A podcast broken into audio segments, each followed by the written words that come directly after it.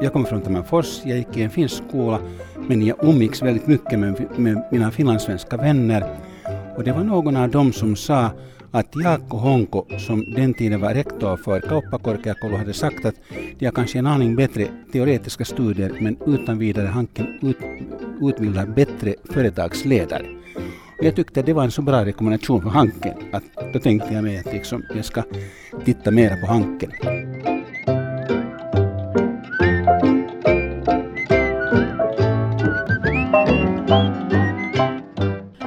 Idag har vi äran att hälsa Kimmo Sasi välkommen till studion och vår podcast Gyllene studietider på Hanken. Mitt namn är Karen Spens och jag är rektor på Hanken. Vi kom faktiskt underfund med här i vår förra episod att jag och Elisabeth Rehn båda hade läst ekonomisk geografi och därtill bott på 60-talet i södra Haga. Och nu har vi ju haft många roliga minnen från våra studietider. Jag på 80-talet och Elisabeth då på 60-talet och 50-talet. Jag ser fram emot att höra mer om dig Kimmo. Och också jättespännande att se att hittar vi också några gemensamma nämnare. Kimmo, du säger ju själv att du är evig hankeit. Alltså du blev ändå diplomekonom redan 1974.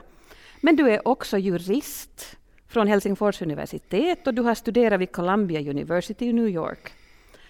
Många känner dig kanske ändå bättre från din politiska karriär och som bland annat Samlingspartiets gruppledare i riksdagen och Europaminister.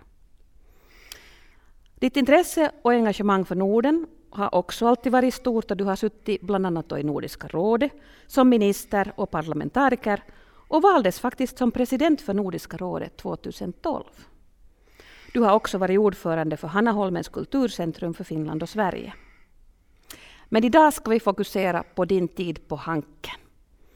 Om hur studielivet var då på den tiden och kanske också lite om hur din väg till politiken såg ut. Men jag tänkte ändå att jag skulle kunna börja med den frågan som jag faktiskt ofta säger åt, eller frågar våra egna studerande. Vad fick dig att välja Hanken? Och vad valde du att läsa på Hanken och varför? Karin, tack så väldigt mycket och det är trevligt att vara här på Hanken igen. Och det är en god fråga. Jag kommer från Tammerfors, jag gick i en finsk skola, men jag umgicks väldigt mycket med, med mina finlandssvenska vänner. Och det var någon av dem som sa att Jaakko Honko, som den tiden var rektor för Kauppakorkeakoulu, hade sagt att de har kanske en aning bättre teoretiska studier, men utan vidare Hanken ut, utbildar bättre företagsledare.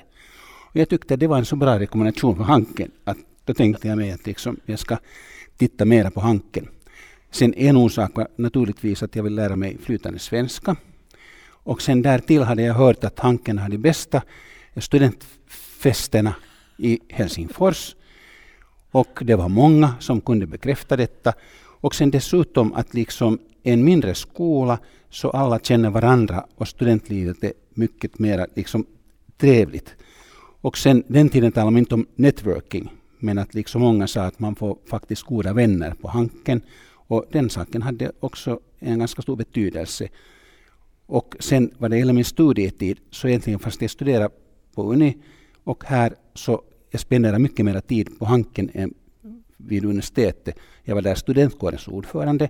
Men trots det, alltså här har man sådana trevliga utrymmen att här trivdes man på Uni har man inte likadana där man sam samlar unga studerande där man kan umgås. Att det är sen mera eh, nationer som tar den rollen. Och sen vad det gäller mina studie, min studieinriktning så först tänkte jag mig att jag skulle kunna bli skattejurist. Och då var tanken att läsa juridik och skattejuridik och sen redovisning på Hanken.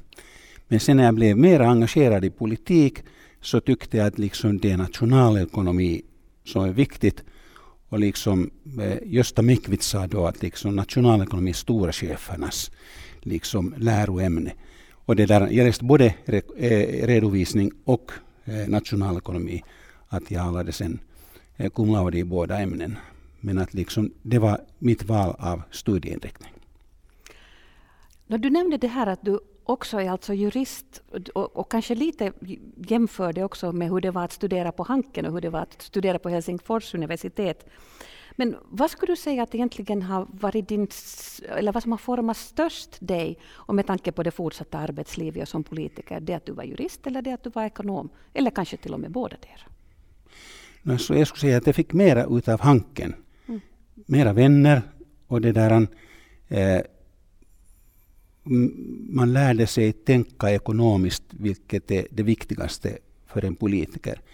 Dock sen i det praktiska arbetet i riksdagen när man stiftar lagar, så att man är jurist, så vet man den juridiska systematiken, den hade nog en ganska stor betydelse. Och sen jag hittade min fru på Hanken, Viveka, så det där på det viset hade Hanken också en stor betydelse för mig. Just det. Var det så att ni hittade varandra på Hanken? Vi hittade, det var en studentfest på Hanken. Och vi stortrivdes bra.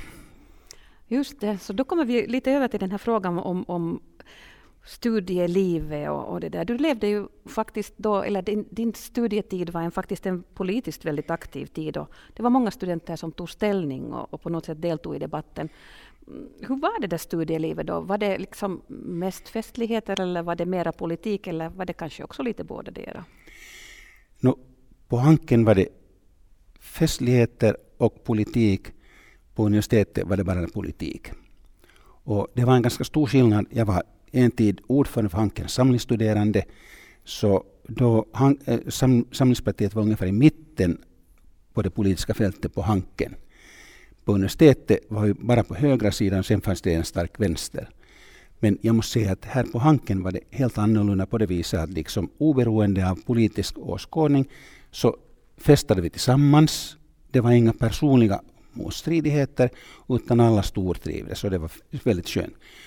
På universitetet var det verkligen bittert. Där kämpade man och liksom man umgicks i sin egen bubbla och väldigt lite mellan olika politiska grupperingar. Att, det där, att just den här taistoidflygen speciellt så, så det, där, det var nog som en militärgrupp som kämpade hårt och, och det, där, det var ända till 1976 skulle jag säga som kampen var ganska bitter. Ja, du studerar ju faktiskt också samtidigt som bland annat Björn Nalle Valros. Hur kommer det sig att ni är så många som egentligen har ska vi säga, vuxit upp med det politiska och väldigt, väldigt stor synlighet efter, efter det? Mm, och dessutom så är ni retoriskt väldigt duktiga studerande. Uh, det där, var det så att politiken gav övning till att argumentera? Och att, eller var det tvärtom, att ni blev politiker för att ni var skickliga talare? Eh, jag tror att det är på det viset att, att den här studentpolitiken lärde oss att argumentera. Och det ledde sen till att vi är politiskt eller ekonomiskt aktiva. Att om du är aktiv i studentlivet får du vissa färdigheter som eh, ger dig kunskaper, beteendemönster, eh, också, inte bara i politiken också, utan också i affärslivet. Jag minns väldigt väl, vi var på samma årskurs med Nalle Wahlroos. 1971 började vi och sen det var säkert en av de första föreläsningarna i nationalekonomi och det var Nicke Andersson som, som föreläste där. Och det tog inte många minuter då Nalle Wahlroos tog till orda och började kritisera föreläsningen och säga att liksom det här är kapitalistisk propaganda och sen liksom förklarar han liksom hur man måste tänka för att liksom tänka rätt i nationalekonomin. Jag måste säga, jag beundrar honom genast. Att han var så logisk och så övertygande att det där han, jag tyckte att, att något sånt måste man kunna faktiskt. Och det där oberoende att jag hade helt annan åsikt. Men konsten att kunna argumentera, var, vara övertygande. Och nu var det faktiskt på 70-talet på det viset att liksom det var en hård politisk kamp den tiden. Så vi måste presentera vår syn, vara tydliga för att få anhängare mm. och kunna liksom argumentera så väl att liksom folk litade på oss. Och, och på det viset så, så man lärde sig väldigt mycket då på 70-talet. Och de kunskaperna har burit mig åtminstone hela mitt liv. Och man kan också se att de unga politiker som var med i ungdomspolitiken på 1970-talet, så de höll makten väldigt länge. ända till 1990-talet, 200-talet, 2000-talet. Att, att, att eh, de färdigheter så faktiskt var väldigt viktiga sen efter vår tid, följande generationen, så de var inte lika tydliga, de hade inte lika starka ideal och därför så tog det nästan eh, över en generation innan följande generationen kom till makten i den finländska politiken. Nalle Valros har också sedermera varit och studerat ute i världen kan man säga. Och du har ju också studerat internationellt i USA. Så hur ser du att, att dina studier utomlands här påverkar ditt liv? Alltså väldigt mycket. Och det där, först måste jag tacka, tacka Hanken. När jag sökte mig till Columbia universitetet så jag fick mycket goda rekommendationer från Hanken. Och den tiden, Uni hade inte så bra internationella kontakter till universitet i USA. Hankens professorer, kända professorer i USA, och liksom deras namn hade faktiskt mera betydelse än universitetets professorer. Att eh, delvis på grund av de rekommendationer som jag fick härifrån så kom jag in på Columbia universitetet. Och nu måste jag ge reklam att liksom law school vid Columbia universitetet är nummer tre i världen. Och jag måste säga att liksom undervisningen där var på en helt annan nivå än vid universitetet i Helsingfors. Måste tyvärr säga. Okej, då, där studerar man eh, med case law-metoden. Här i Finland har man lärt sig väldigt mycket efter 70-talet. Men att ändå liksom undervisningen på väldigt hög nivå. Och sen hela amerikanska samhället, vi måste förstå, då var USA kanske 15 år före oss, idag 10 år före oss. Men allt som händer i USA kommer först. Och sen vi kopierar det som har hänt i USA. Vi följer den ekono e-, ekonomiska, ideologiska och, och eh, politiska diskussionen i USA och vi anammar saker och ting därifrån. Att liksom på det viset så om man ser USA på ort och ställe så har det en ganska stor betydelse. Och sen New York var en fantastiskt fin stad. Och min blivande fru Viveka kom också dit och jobbade sen. Hon hade just blivit färdig och jobbade på en bank där. Att liksom den erfarenhet som man fick där.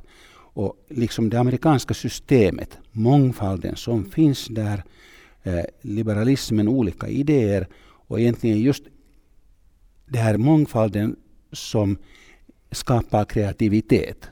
Och kreativiteten skapar igen tillväxt i ekonomin. Och man ser när man bor där ganska väl hur man faktiskt liksom skapar det ekonomiska systemet för att få framgång.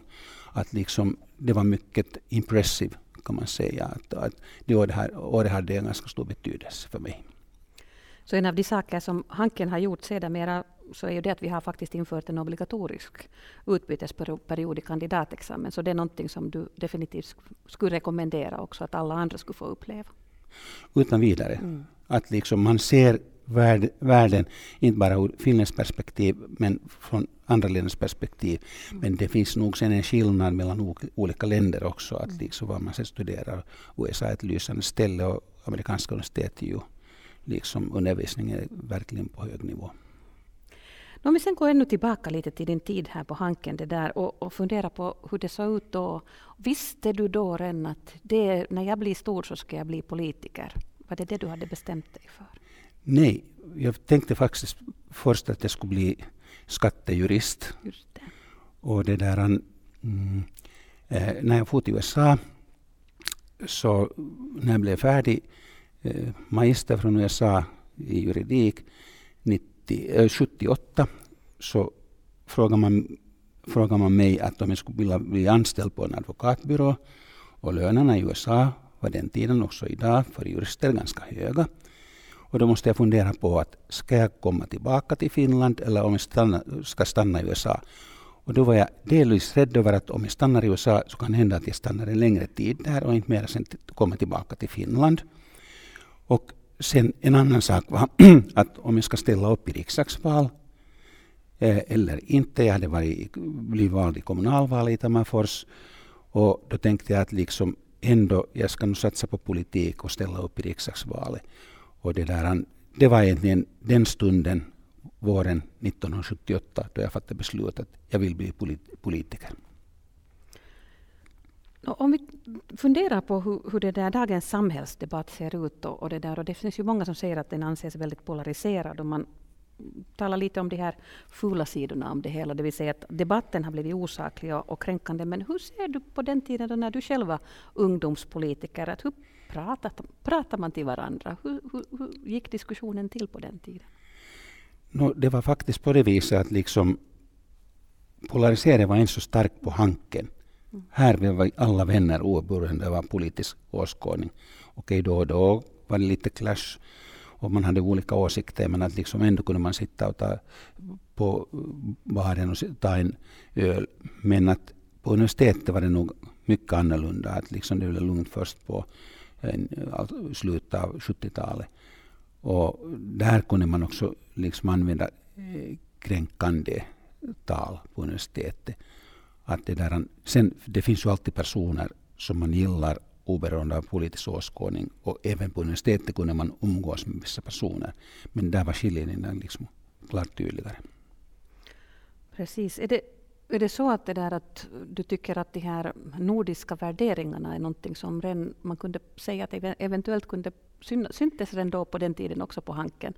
Det vill säga man tänker efter att vi i dagens läge så, eh, vi kan, Hanken positionerar sig som ett nordiskt universitet och vi vill konstatera att de nordiska värderingarna är någonting som, som vi värnar om. Eh, var det det som egentligen fick dig att intressera dig för Norden i den tiden och hur ser du på de här värderingarna? Och är det någonting som du har med dig från den här Hanken-tiden? Alltså Hanke var mer nordiskt, det är sant. Och liksom just på universitetet tror man sig österut mot Sovjetunionen. Och det där, fast här hade vi några vänsteraktivister så så det där, de var inte så eh, extrema som motsvarande personer på universitetet. Men egentligen min nordism kommer från min övertygelse att Finland har varit och ska bli en del av väst. Vi har ju varit gråzon mellan öst och väst och Sverige och Ryssland har krigat mot varandra om Finland. Och egentligen då på 70-talet eller jag har varit i Polen Nordens ungdomsförbund på 60-talet, så det där, eh, på 70-talet så den enda möjligheten att länka oss med väst var nordiskt samarbete. Och det var acceptabelt att arbeta med andra nordiska länder, men man kunde inte riktigt tala om EU eller EEC den tiden. Sen hade vi 74 en hård kamp om Finland ska ha ett frihandelsavtal med EEC och det var en små, mycket svår kamp, kamp i Finland. Och den här övertygelsen ledde till att jag hade ganska stort ansvar i Sams, eller ansvarar stort eh, i Samhällspartiets om relationen till Sverige. Och då fick jag mycket goda vänner av typen Carl Bildt och Per Unckel i Moderaterna. Och, och vi var mycket goda vänner och, och hade mycket kontakt. Och på det viset, liksom, den här förankringen till Sverige blev mycket stark. Och jag beundrar det eh, svenska systemet ganska mycket och tyckte att vi kan ta ganska mycket exempel därifrån. Och sen eh, när jag hade varit några årtionden med i nordiskt samarbete så jag stödde starkt nog och var i frontlinjen att köra genom Finlands medlemskap i EU. Men ändå, jag tyckte att liksom familjekretsen är Norden och har hela tiden velat liksom behålla det nordiska samarbetet vid liv. Och vi hade tyvärr lite liksom det fenomen i Finland efter 1995 eh, när Finland anslöt, anslöt sig till, eh, till EU att till exempel finländska ministrar inte deltog i nordiska möten.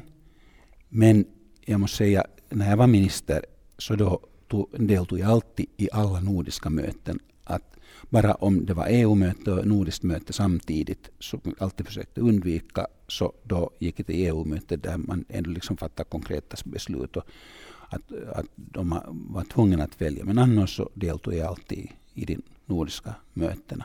Och nu är jag ordförande för Nordiska ministerrådets gränshinderråd. Att jag jobbar fortfarande med de här nordiska frågorna. Och det är där jag tycker att vi kan nå, nå framgång i det nordiska samarbetet kan jag ju inte låta bli att, att, fråga dig så här i pandemitider. Hur ser du på det nordiska samarbetet i dagens läge och kanske det nordiska samarbetets framtid? Allt går i vågor.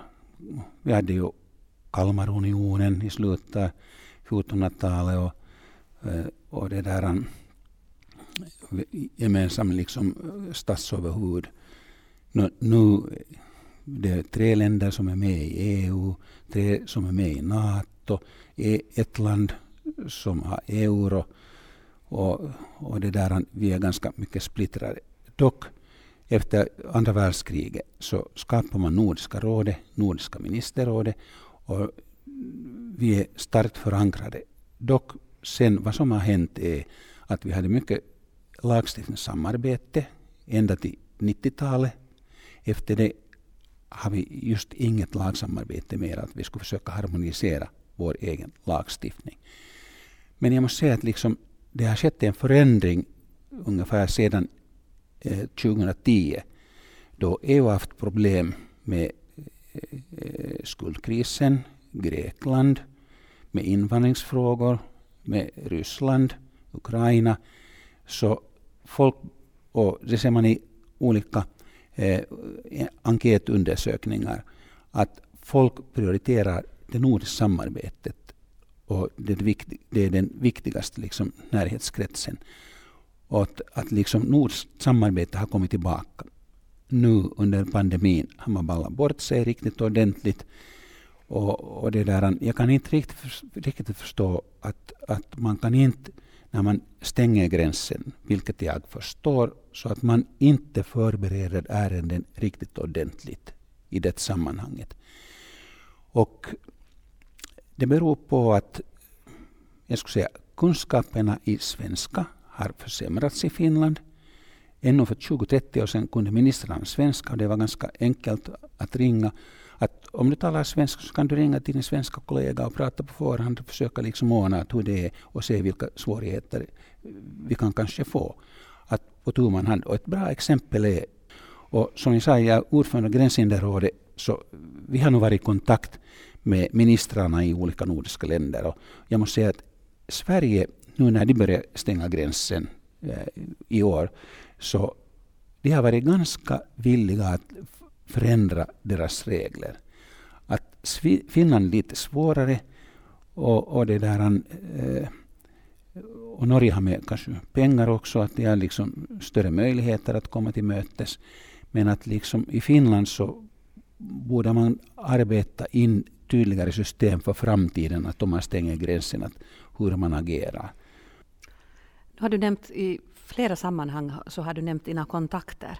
Om vi går tillbaka i tiden lite och funderar på vilka kontakter du har knutit här och vilket nätverk du har knutit. Jag antar ju förstås att en stor del av de kontakterna som du ännu idag har så kanske är tillbaka från Hanken-tiden här och studielivet. Kan du berätta lite om dina kontakter här och det kontaktnätverket som du fick ha skapat här under din Hanken-studietid? Um, nu jag hade några vänner som hade kommit från Tammerfors till Hanken samtidigt som jag. Jag studerade, studerade med dem. Men sen um, egentligen i politiken, no, vi har liksom viss gemenskap med Elisabeth Rehn då vi båda studerar här. Och det, där, det ger viss sympati mm, liksom gentemot varandra. Och sen ekonomiska livet så Nalle var just på samma kurs och, och Mikael Liljus var en aning äldre. Hans fru var på samma årskurs som jag. Och med dem har jag sen träffat i, i politiska men sen också ekonomiska sammanhang.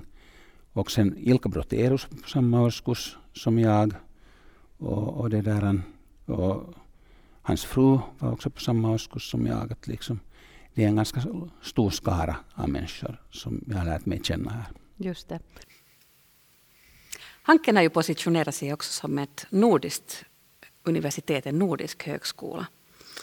Och vi har anammat de nordiska värderingarna. Men man kan ju säga, Kimmo, att du åtminstone kan anses vara en sann nordist.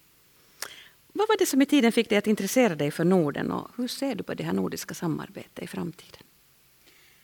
Alltså, jag tycker att Norden är väldigt viktig för Finland. Och det beror på att Finland ligger i den gråa zonen mellan öst och väst. Vi har varit en lång tid en del av Sverige, men vi har varit också en del av Ryssland. Mm. Och vi måste välja vår riktning och jag vill att vi är en del av den västliga världen. Och det bästa sättet har varit på 70-talet, när jag började bli politiskt aktiv, att samarbeta i det nordiska samarbetet. Det var tillåtet av ryssarna, inte någonting av EU eller med USA. Och det där, därför har jag alltid arbetat väldigt hårt för det nordiska samarbetet. Och det har varit alltid vår längt till väst. Och sedan 1995 har vi blivit en del av EU, så på det viset har nordisk samarbetets betydelse minskat. Dock, om man tittar ur världens perspektiv, så Norden är ett ganska homogent område. Och egentligen vad det gäller olika listor, lycka, tekniskt kunnande, eh, lite korruption, så vi, de nordiska länderna toppar de här listorna. Vi är alltid bland de tio bästa. Och det visar att vi har gjort någonting rätt här i Norden. Och vi kan skapa en brand, inte bara för Finland, utan för alla nordiska länder och bygga väldigt mycket internationellt samarbete på den där branden. Vad det gäller framtiden så efter Finlands och Sveriges inträde i EU så minskade intresset för det nordiska, men efter alla de kriser som vi haft i EU så egentligen det nordiska har kommit ganska mycket tillbaka. Och jag har varit Nordiska rådets president och nu är jag ordförande för Nordiska ministerrådets gränshinderråd. Och man ser att det hela tiden händer nog i Norden och vi försöker bli det mest integrerade området, regionen i hela världen. Och det arbetet fortskrider. Och det goda med det nordiska är att vi är små, flexibla samhällen och därför är ganska framgångsrika. Jag tycker att vi ska tillsammans försöka skapa en sån samhällelig modell som är den bästa i världen. Och I det har vi ganska väl lyckats. Och jag tycker att det här ger ganska mycket drivkraft för det nordiska samarbetet. Tack, så du ser positivt på det nordiska samar samarbetet i fortsättningen? Utan vidare. Mm. Alltså vi har samma traditioner och likadant tänkesätt. Och mellan oss är det lätt att se att om man har någon bra praxis i något nordiskt land så det är väldigt lätt att ta samma system i bruk i vårt eget land och det visar på ett ganska enkelt sätt utveckla vårt samhälle. Du berörde den de facto den här med korruptionen. Att det där, du har också förespråkat öppenhet och det gäller beslutsfattares privatekonomi och deras placeringar. Och det är ju sådana hållbarhetsfrågor, eller frågor som vi faktiskt också betonar inom studien vid Hanken idag. Men hur ser du på vårt samhälle och har vi då sådana strukturer som du tycker att skyddar oss från korruption och egen vinning? Och tror du faktiskt att vi kommer eller, i Norden och i Finland att kunna hålla vårt anseende som ett av de mindre korrupta eller de korrupta områdena i världen? Alltså läget idag är väldigt bra. Och jag tror att grunden för allt detta är Anders Chydenius arbete för 250 år sedan. Öppenheten i samhället, att vi vet vad beslutsfattarna gör. Och vi har byggt vår samhällsform på det arbetet. Och egentligen, man kan se i världen, det finns två sätt att tänka sig. Om det är i en offentlig tjänst arbetar du för medborgarna, du får en god lön, men inte för egen vinning. I många andra länder är det på det viset att om du får statsmakten får du också statskassan och sen använder den på det viset som du tycker det är bäst. Och i historien i många länder har man tyckt på det viset att okej, okay, om du blir konungen eller presidenten så egentligen du får använda samhällsmedel när du har kommit in på den positionen och det ska man inte godkänna. Men det viktiga är vad gäller korruption är moralen i samhället. Och det är att man inte accepterar att man tar mutor. Och en bra test är att om man tar en polisman, så om man begår ett brott och sen betalar man till en polisman för att inte bli undersökt, så då vet man att man har mycket korruption i samhället. Och I Finland har vi ett en lysande situation på det viset att om du kör överhastighet och säger till polisen ska vi gå till kaffe och diskutera den här frågan så polisen genast anmäler att okej, okay, man har försökt ge mota fast det är bara en kopp kaffe. Och det här visar liksom hur sträng och bra moral vi har i Finland. Och så länge vi kan bibehålla den här goda moralen så blir det inte någon större korruption. Sen vad det gäller högre politiska eh, eh, anställda och beslutsfattare så där är det nog viktigt att liksom vi följer den här öppenhetsprincipen på det viset att till exempel man ser vad olika människor i den positionen äger. Och om man inte kan förklara varför egendomen ökar mitt i allt, så då kan man ställa frågor. Och det, där, det hjälper på det viset att liksom alla vet att det är svårt att liksom dölja någonting som man, om jag gör något olagligt emot motor, så redan detta system garanterar att liksom man blir lockad att försöka ta mutor eller skapa ett korrupt system. Jag har förstått att du också håller på att skriva en doktorsavhandling för tillfället. Gäller den korruption eller vad månne gäller den avhandlingen? Kan du berätta lite hos oss om din avhandling? Nej, jag var länge i riksdagen ordförande i riksdagens grundlagsutskott. Och min doktorsavhandling gäller juridik och författningsrätt. Och rubriken är eh, jämlikhet som grundrätt och beskattning. Och det är intressant på det viset att eh, jämlikhet är ett ganska diffust begrepp och beskattning i Finland ännu till 2000-talet tyckte man att liksom, eh, grundrättigheterna har ingen betydelse för beskattning. Men nu har vi börjat tänka oss annorlunda och i USA har man redan högsta domstolen beslut från 1870-talet eh, gällande beskattning och jämlikhet. Men att, men att det är någonting som kommer.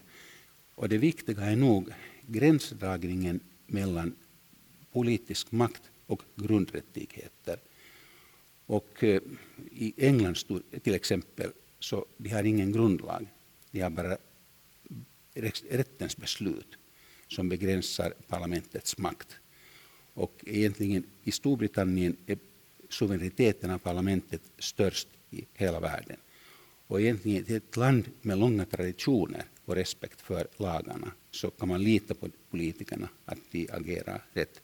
Sen i andra länder, av typen Tyskland med ganska dyster historia, så där behöver man faktiskt såna juridiska medel som kan användas för att liksom ingripa om man fattar, no, inte mera idag, men man ska fatta liksom beslut som kränker människors rättigheter. Och den här balansen mellan politisk makt och grundrättigheterna är kärnan i min undersökning. Och jag tycker att liksom i Finland har man gått kanske lite för långt i de här grundrättstolkningarna. Att när man tittar på den här coronan så det finns en forskare som ser det ena och andra och det, där, det försvårar att kunna fatta beslut. Och det, där, det är inte riktigt bra för samhället. Man måste också kunna liksom lita på beslutsfattarna och att de har gott syfte och de vill fatta goda beslut. Och bara ifall att liksom de ser alldeles klart och tydligt att här finns ett problem, så då ska lagen ingripa i det politiska beslutsfattandet. Och när har du tänkt disputera? Nå, det här sker inte så snabbt. Om det skulle lyckas nästa år, det skulle vara fint, men det kan gå ännu till följande år. Men att arbetet fortskrider. Då tror jag att vi tar en titt tillbaka ännu till dina egna studietider, Kimmo. Det där, om du tänker på det vad du har studerat och, och det vad du själv har kanske tänkte dig att hur din karriär kommer att se ut. Vad skulle du ge för goda råd åt den unga Kimmo i dagens läge? Valde du, gjorde du rätt val eller skulle du välja annorlunda? Jag tycker att jag har gjort rätta val. Att jag är nöjd med det, vad jag har gjort. Det finns vissa val man skulle kunna tänka sig kanske annorlunda, men slutresultatet har varit bra. Och vad det gäller studietiden så jag måste säga att liksom, det är nog ens bästa tid i livet. Mm. Då är man ännu fri av olika skyldigheter. Man har alla dörrar öppna, man kan ännu välja. Man kan titta vad det är som intresserar en och satsa speciellt på det. Och sen träffar man massor med nya bekanta i studentkretsen, skapar nya relationer och kan till och med hitta på en hustru som jag här på Anken på en fest. Finns det några andra goda råd än du skulle vilja ge åt våra lyssnare eller speciellt våra nya hankeiter? No, I vårt samhälle kan man säga att utbildningen är grunden för livet. Och man ska ta seriöst studierna vid sidan av festandet, men ändå liksom man ska skapa ett sånt kunskapsbas som sen garanterar att man klarar sig i livet. Dock måste man säga att man är kanske liksom klokast när man avslutar en studie i allmän mening, att man har breda kunskaper och sen börjar man mera och mera specialisera sig. Men att just sen måste man komma ihåg att den här kunskapsbasen måste hela tiden uppdateras. Men det sker alltid på basen av de studier som man eh, går, genomgår på Hanken eller andra universitet.